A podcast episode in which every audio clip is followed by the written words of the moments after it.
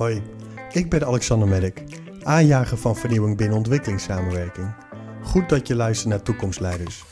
In deze serie ga ik in gesprek met leiders over wat leiderschap betekent binnen de veranderende context van ontwikkelingssamenwerking. Wat beweegt ze? Welke grote uitdagingen ervaren zij? En wat zijn hun ideeën voor de toekomst? Deze serie wordt mede mogelijk gemaakt door Partos, de branchevereniging voor ontwikkelingssamenwerking. Alice, welkom bij Toekomstleiders. Dankjewel.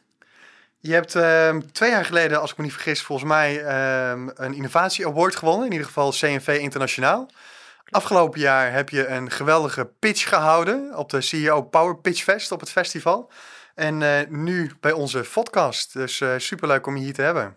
Ja, superleuk om hier te mogen zijn. Ja, wie ben je eigenlijk? Kan je iets meer over jezelf vertellen? Ja, uh, ik ben Alice van Ark. Ik ben directeur bij CNV Internationaal. En uh, dat doe ik nu sinds twee jaar en ik werk sinds zes jaar bij, uh, bij CNV Internationaal. Uh, hiervoor heb ik ook al in de sector gewerkt. Dus ik kom oorspronkelijk van ECO, daar ben ik begonnen. Oké. Okay. en eigenlijk was de overstap naar CNV Internationaal nou, zo gemaakt, ondanks dat het eigenlijk een hele andere organisatie is. Ja, ja. En hoe komt het dat je eigenlijk bij ICO terecht bent gekomen? Hè? Waar komt dat vandaan, de, de passie voor ontwikkelingssamenwerking die jij volgens mij heel erg in je hebt? Ja, goede vraag. Ik uh, denk eigenlijk, als ik heel erg terugkijk, heb ik dat vanaf jongs af aan, zit het al een beetje in mij. Um, ik heb um, als klein meisje ben ik ooit uh, begonnen als uh, scouting, ja, scout eigenlijk. Ja, ja. daar begon ik mee toen ik zes jaar was. Oké. Okay. En dat is iets wat mij eigenlijk mijn hele leven um, ja, heeft ontwikkeld. En hoe? Ja, een van de dingen die ik altijd goed heb onthouden en uh, belangrijk voor me zijn geweest, is de leider van scouting, uh, degene die scouting ooit heeft opgericht, ja. Lord Baden-Powell. die had als motto: laat de wereld een beetje beter achter dan je hem gevonden hebt. Oké. Okay. En dat is wel iets wat wat eigenlijk altijd in mijn hoofd zit. En als ik ergens aan begin, dan is dat het motto wat ik eigenlijk ook ja, misschien een beetje onbewust bij me draag. Van Mooi. wat ik wil doen, daar wil ik ook eigenlijk de wereld een beetje beter mee maken. Ja. En uh, ook al is het maar een klein beetje beter, het, het moet wel iets aan, aan zingeving aan mijn, uh, aan mijn leven geven. Ja, precies. Ja. Dus dat is eigenlijk een inspirator geweest, hè? De, de, ja. de, de, de founder van Scouting, uh, om het zo te zeggen. Zijn er nog andere personen, gebeurtenissen in je leven geweest die je hebben geïnspireerd? Als persoon of om ook als medewerker te werken binnen ontwikkelingssamenwerking? Nou, ik denk vooral, ik, ik, denk dat scouting daar wel echt een hele belangrijke bij is geweest. dat heeft mij heel erg geholpen. Ja. Om, ja, om eigenlijk, want het, is iets waar je echt gaat ontwikkelen. je, je werkt ook veel samen. En je, als scout, en ik denk toen was ik een jaar of 12, 13, 14 misschien. Mhm. Uh, werk je al in groepjes samen, dan word je op een gegeven moment uh, assistent van zo'n groepje, uh, word je leider. En dan zie je dus ook van, ook al, nou, ik, ik zou mezelf toch wel kunnen identificeren als introvert, maar dan zie je dus ook, zelfs als een introvert persoon, kan je al ja, eigenlijk leiding geven aan zo'n groepje. En dat is voor mij heel belangrijk geweest om ook ja, eigenlijk leiderschap te leren, hoe dat, hoe dat werkt, Mooi. dat je dat ja. ook kan. En die ontwikkelingssamenwerking, ja, die, ik zie trouwens ook wel veel mensen in de sector die, uh, die eigenlijk een scouting-achtergrond hebben. En ik denk dat dat wel, uh, dat is niet voor niks. Uh, ik denk dat een voedingsbodem, allemaal... een van de voedingsbodems eigenlijk. Oké, okay, ja. Ik denk dat zijn allemaal mensen die be bezig zijn met de, met de natuur, met de wereld om zich Mooi, heen. ja. ik ging vroeger ook als jong meisje met scouting mee uh, naar jamborees. Uh, in Thailand bijvoorbeeld. En dan ontdek je heel veel culturen. Uh, Wat gaaf. Maar daar hadden we het ook over issues als, als AIDS. wat doe je voor de wereld? Nou ja, ja. grote vraagstukken. Ja. En dus het was wel meer dan alleen wat we deden in Nederland. Ja. Prachtig. Dus eigenlijk alle jongeren moeten op scouting. ja. Wat dat betreft. Ik denk dat jongeren die op scouting uh, zitten eigenlijk een goede voeding, voedingsbodem hebben om een, uh, om, ja, een goede uh, medewerker te zijn eigenlijk voor een organisatie die zich bezighoudt met ontwikkelingssamenwerking. Ja, ja. Leuk, superleuk om te horen. En um, hoe komt het dat je bij ICO terecht bent gekomen en daarna bij CNV? Ik werkte op dat moment in New York, vlak voor ICO. Oké. Okay. daar uh, zag ik eigenlijk hoeveel uh, ja, organisaties in Amerika geven aan goede doelen. En daar ben ik toen uh, samen met een, een Nederlandse consultant uh, begonnen om uh, ook de mogelijkheden eigenlijk in kaart te brengen voor Nederlandse NGO's. Ook in Amerika, omdat nou, Ja. we kennen allemaal de Bill and Melinda Gates Foundation, maar er zijn er nog veel meer. Ja. En dat was eigenlijk mijn, mijn eerste link met de, de NGO-wereld. En vanaf die kant, toen ik weer naar Nederland ging verhuizen, ben ik bij ICO begonnen. Eigenlijk om, uh, om hetzelfde te, werk, te doen. Om te zorgen dat die deur naar ja, andere donoren ook buiten Europa voor, voor hen open ging. Ja, ja mooi, leuk. En we hebben het over een stukje historie. je werkt op dit moment bij CNV Internationaal, daar ben je directeur. Um, voordat we inzoomen op de unique selling point van CNV Internationaal, ben ik eigenlijk benieuwd naar de historie. Kan je daar iets meer over vertellen? Hoe is het ontstaan en hoe linkt het aan CNV in Nederland? Ja, ja goede vraag. Uh, CNV bestaat eigenlijk, CNV Internationaal, bestaat eigenlijk 55 jaar. Oké. Okay. Uh, ze bestaan al heel lang. Het begon heel klein. Uh, het begon eigenlijk als een, ja, het heette vroeger de actie Kom Over. er waren um, mensen binnen de vakbond die zeiden van we moeten ook solidariteit tonen met onze medebroeders en medezusters in Mhm. het buitenland. Um, zo kwam ik laatst achter eigenlijk, wij werken al heel lang in Indonesië, maar dat we eigenlijk begonnen zijn in Indonesië. Dat is een van de eerste landen waar we als CNV Oké. uh, via die actie Kom Over begonnen zijn. Ja, langzamerhand is dat eigenlijk veel meer geprofessionaliseerd en is het echt een, uh, een, ja, eigenlijk een eigenstandige organisatie met een eigen stichting geworden, met een Ja. eigen apart stichtingsbestuur. Um, maar het begon, uh, begon al heel klein, eigenlijk vanuit de solidariteit van, van vakbondsleden. Die mooi. van we moeten andere vakbonden helpen om zich te kunnen organiseren en onze Ja. kennis daarmee delen. Ja, ja. En eh, CNV in Nederland, kan je daar kort eh, voor de luisteraars een samenvatting van geven? Van waar, staat het eigenlijk voor? Het is een vakbond, maar kan Ja. je er iets meer over vertellen? Nou, CNV in Nederland staat eigenlijk voor um, uh, werkenden in Nederland. Nou, dat, dat, dat, doet bijna iedereen, maar eigenlijk waar we als CNV Internationaal voor staan is uh, 100% eerlijk werk. Dus we willen eigenlijk zorgen dat mensen in de waar wij het voor doen uh, in ontwikkelingslanden eigenlijk echt eerlijk werk hebben, waarbij Ja. ze goede arbeidsomstandigheden hebben, uh, waarbij ze veilig werk kunnen doen, waarbij ze eh, zicht hebben op een toekomst. Eh, dus dat betekent stabiliteit. En dat is eigenlijk precies hetzelfde waar CNV in Nederland ook voor staat. Ja. Dus we zijn er eigenlijk voor, voor alle werkenden in Nederland. Mhm. Ook de meest kwetsbare, dus mensen die uh, op dit moment geen baan hebben, mensen die dan door een, bijvoorbeeld een handicap uh, niet aan het werk kunnen komen, ook daar zet, uh, daar zet CNV zich voor in. Dat doen we door eigenlijk de individuele belangenbehartiging te doen, maar Ja. ook collectieve belangenbehartiging in Den Haag bijvoorbeeld. Ja, Ja. prachtig. En internationaal dus ook. En internationaal, ja. Ja, ja, prachtig. En ehm hebben we over een unique selling point. Wat is de unique selling point dan eigenlijk? Ik denk wat ons echt uniek maakt, is Ja. dat wij met uh, van vakbond tot vakbond werken. Oké. zijn ook zelf een vakbond, we Ja. komen vanuit de vakbond. Ja. Uh, wij werken specifiek met vakbonden wereldwijd. Mhm. Um, en dat maakt dat je eigenlijk um, ja, dezelfde taal spreekt. Zo zeggen we dat altijd maar. Uh, vakbond is natuurlijk een beetje atypisch. We zijn een ledenorganisatie. Dus Ja. de vakbonden waarvoor we werken zijn ook ledenorganisaties. Die hebben uh, democratisch gekozen leiders. Uh, komen op voor hun leden. Dat maakt het wel uniek. Eh, Als je het vergelijkt, bijvoorbeeld toen ik bij ICO werkte, werkten we met NGO's. Dat is een heel ander type organisatie. En uh, geeft ook een hele andere dynamiek. Uh, en ik denk dat onze unique selling point is dat wij, um, ja, doen, doordat we diezelfde taal Ja. spreken, echt goed uh, ja, met zo'n vakbond kunnen samenwerken om te zorgen dat ze krachtiger worden, dat hun stem wordt gehoord. Uh, vakbonden hebben eigenlijk officieel een rol bij de overheid. Hè. Dus net, net, zoals in Nederland uh, Mhm. zijn vakbonden, uh, dat zijn, noemen we sociale partners. Dus Ja. werkgevers, vakbonden zitten samen met de overheid om onder andere bijvoorbeeld over zaken zoals ons pensioenstelsel te praten. Nou, die rol hebben vakbonden in het buitenland ook. Ja. Daar hebben ze natuurlijk een hele belangrijke stem als het om dilemma's gaat, zoals het oplossen van jeugdwerkloosheid. Ja, ja. Uh, die, die, die rol die zij officieel ook hebben en die ook officieel wordt erkend, nou, ja, daar kunnen wij denk ik als vakbond heel goed uh, een bijdrage Ja. aan leveren. Zoals je zelf zegt, hè, de vakbonden spelen eigenlijk een cruciale rol binnen democratieën, uh, maatschappelijk middenveld. Um, in hoeverre staat die rol onder druk in landen waarin jullie werken? Ja, helaas staat hij enorm onder druk. Uh, we zien in heel veel landen dat het eigenlijk best, best wel moeilijk is uh, voor vakbonden om uh, hun stem te laten horen. ik denk bijvoorbeeld in landen als Latijns-Amerika is het soms zelfs echt gevaarlijk om als vakbondsleider op te staan. Denk ik bijvoorbeeld aan sectoren waar het echt gevaarlijk is. Um, de, de, de suikerrietsector, maar ook de palmoliesector.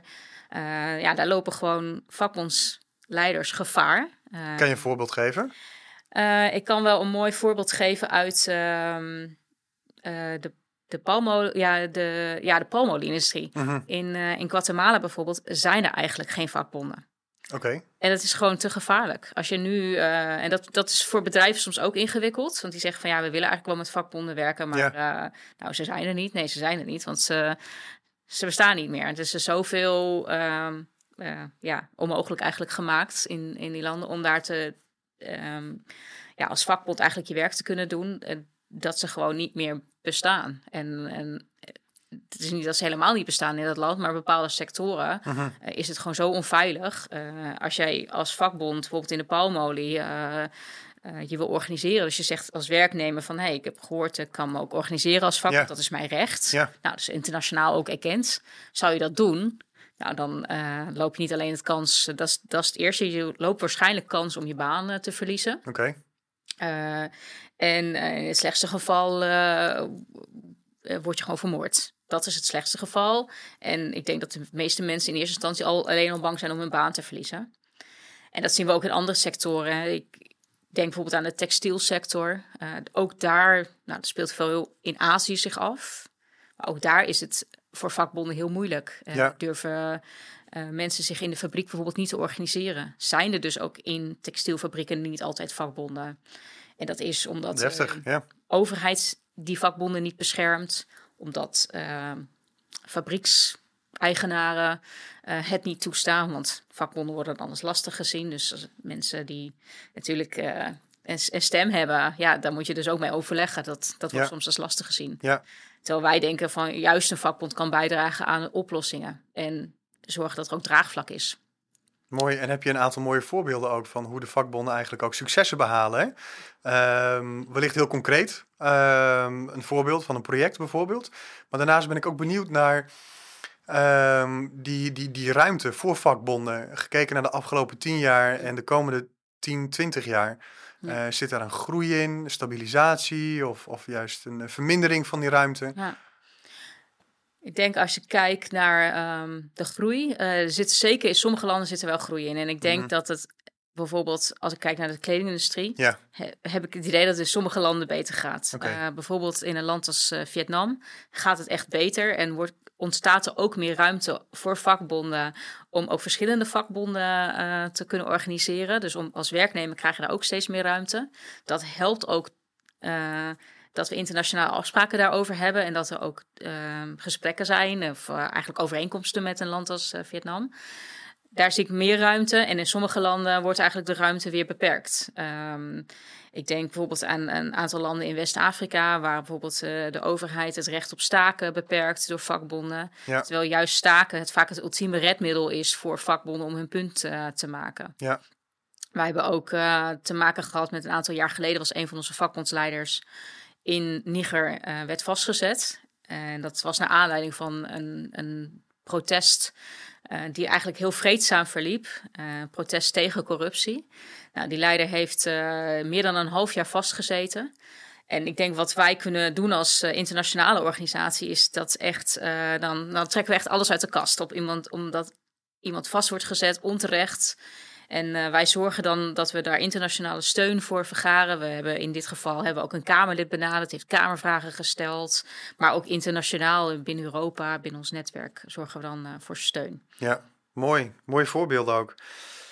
Um, de link te maken met uh, de organisatie en de organisatorische uitdagingen. Uh, ik weet dat bij, bij jullie innovatie centraal staat. Kan je daar iets meer over vertellen, hoe jullie dat vormgeven? Ja, nou, ik denk dat het zelf heel, vind ik het heel goed als je als organisatie constant ontwikkelt. Um, en wij zijn heel erg bezig met innovatie, van hoe blijven we ook innovatief en uh, relevant eigenlijk als organisatie. En uh, ik denk dat innovatie daarbij helpt. Uh, een van de dingen waar wij nu veel aan werken is bijvoorbeeld een digitale monitoringstoel.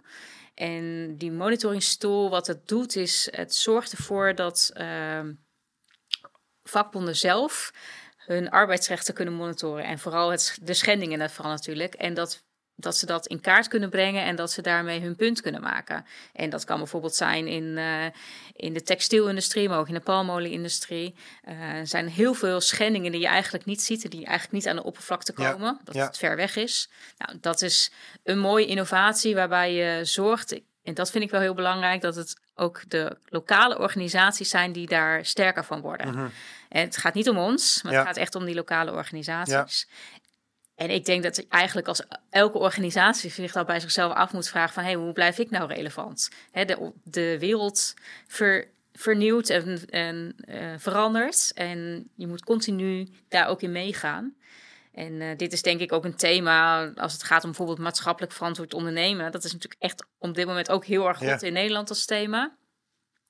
Dat je zorgt dat je daar ook op in kan uh, spelen. Nou, bijvoorbeeld onze, onze monitoringstoel speelt daar ook op in, omdat ja, je ziet dat uh, door bijvoorbeeld het uh, naar boven brengen van arbeidsrechten schendingen, bedrijven ook beter weten van hé, hey, waar zitten die risico's nou eigenlijk? Precies, Veel bedrijven weten dat ook helemaal niet. Ja. Die zitten ver weg van eigenlijk de mensen waar het om gaat. Ja. En dat is denk ik onze rol om die stem van die werknemers echt zichtbaar te maken.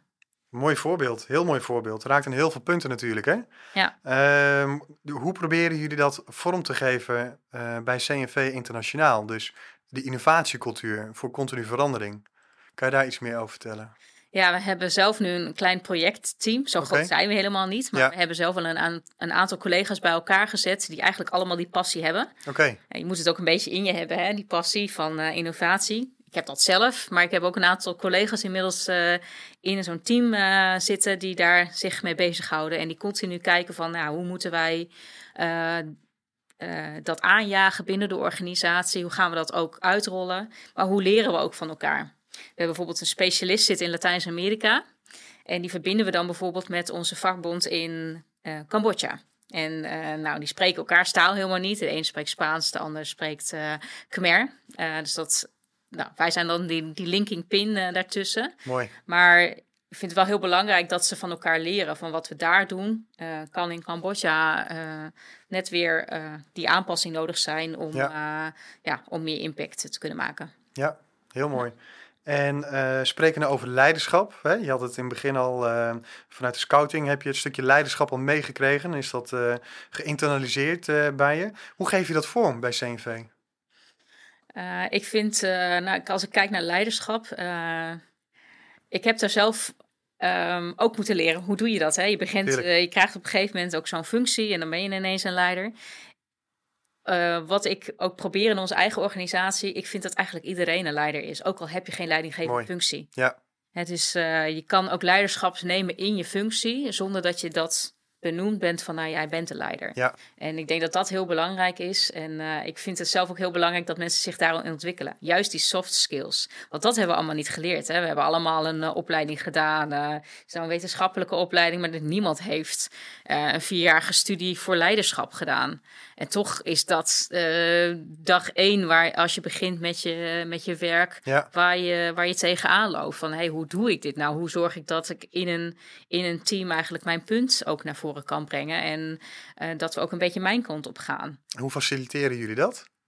Uh, door het gesprek erover aan te gaan. Okay. Hè, door ook uh, gesprek met elkaar over te gaan. Uh, we hebben nu toevallig zitten we zelf in een traject over werkdruk. Mm -hmm. Ik vind ook wel goed dat je, nou ja, dat je dat soort dingen ook benoemt, maar dat je er ook mee aan de slag kan gaan. Uh, maar daar komen in zo'n werkdruksessie komen ook dingen als van, hey, uh, heb ik, mag ik eigenlijk de besluiten zelf ook nemen? Of uh, wie doet dat eigenlijk voor mij? Ben ik ondergeschikt aan mijn collega? Of ja. mag hij daarover besluiten ja. of zij over besluiten? Nou, allerlei issues, maar door het bespreekbaar te maken, door ook af en toe denk ik uit de realiteit van de, de waan van de dag te gaan en de hele dag met elkaar te zitten om ook eigenlijk over niet werk of uh, niet de thema's waar je -huh. dagelijks mee bezig bent te praten. Ik denk dat dat heel belangrijk is. En uh, we zijn er, nou, ik denk dat we nu drie, vier keer per jaar uh, een sessie hebben waar het ook niet over nou, de belangrijke thema's ja. gaat waar we tegenaan lopen. Ja, mooi. En um, we zijn op zoek naar de, de, toekomstige leider eigenlijk binnen de serie. Wat betekent dat dan in termen van uitdaging, competenties? wat zou nou één competentie zijn voor jou? Dat je denkt van ja, dit moeten we echt meenemen. Ik denk um, wat ik belangrijk vind uh, als competentie is... Ja, eigenlijk bestaat er volgens mij... De leider bestaat misschien helemaal niet. Ik denk dat, uh, dat ook veel vrouwen daar tegenaan lopen. Hè. Die kijken natuurlijk... Uh, naar nou, bepaalde leiders. Denk ik, Mark Rutte, die wordt als leider gezien. Die heeft bepaalde competenties, van dat is dan een leider. Ik denk dat heel veel vrouwen denken, ja, maar dat ben ik dus niet. Ja. Dus ik ben geen leider, want ja. dat, dat, dat, is, dat ben ik dus niet. Mm. En ik denk dus dat er misschien de leider met de competentie niet bestaat. Um, ik heb dat zelf ook wel een beetje moeten ondervinden van, hé, hey, wat, wat ben ik nou? En ja. eigenlijk ben ik heel snel... Uh, ervan teruggekomen van misschien moet ik maar gewoon maar mezelf zijn. Mooi. In plaats van dat je wil zijn zoals een, een, een, een, politiek iemand die je ambieert of die je dan ziet als leider. Maar misschien ben je gewoon ja, goed zoals je bent. En uh, ja, heb je dus leiders in verschillende facetten en verschillende vormen en, en, en, maten. Ja. Dus eigenlijk een stukje diversiteit ook. En elkaar accepteren, respecteren wat je, wat je zegt, hè? Ja, ja, ik denk dat je ook introverte leiders hebt. Je hebt extroverte leiders. Je hebt mannen, je hebt vrouwen. Je hebt mensen die veel meer met hun gevoel doen. Je hebt mensen die goed boos kunnen worden. Je hebt mensen die dat helemaal niet goed kunnen. Die, mhm. ja, allerlei verschillende leiders. En dus de leider bestaat denk ik niet helemaal. Ja, ja, ja. En dat is eigenlijk wat je ook zegt. Door het gesprek met elkaar erover aan te gaan, uh, probeer je elkaar ook uh, te leren kennen. Ja. En daardoor waarschijnlijk ook uh, acceptatie, uh, respect uh, naar elkaar toe te ontwikkelen, denk ik. Hè? Klopt. Mooi, mooi, heel mooi hoe jullie dat vormgeven. En dank, mooi antwoord. Ehm, gaan we weer uitzoomen naar de uitdagingen van CNV of misschien ontwikkelingssamenwerking. Wat zijn voor jou nou een aantal uitdagingen dat je denkt van ja, hier moeten we echt de tanden in gaan zetten?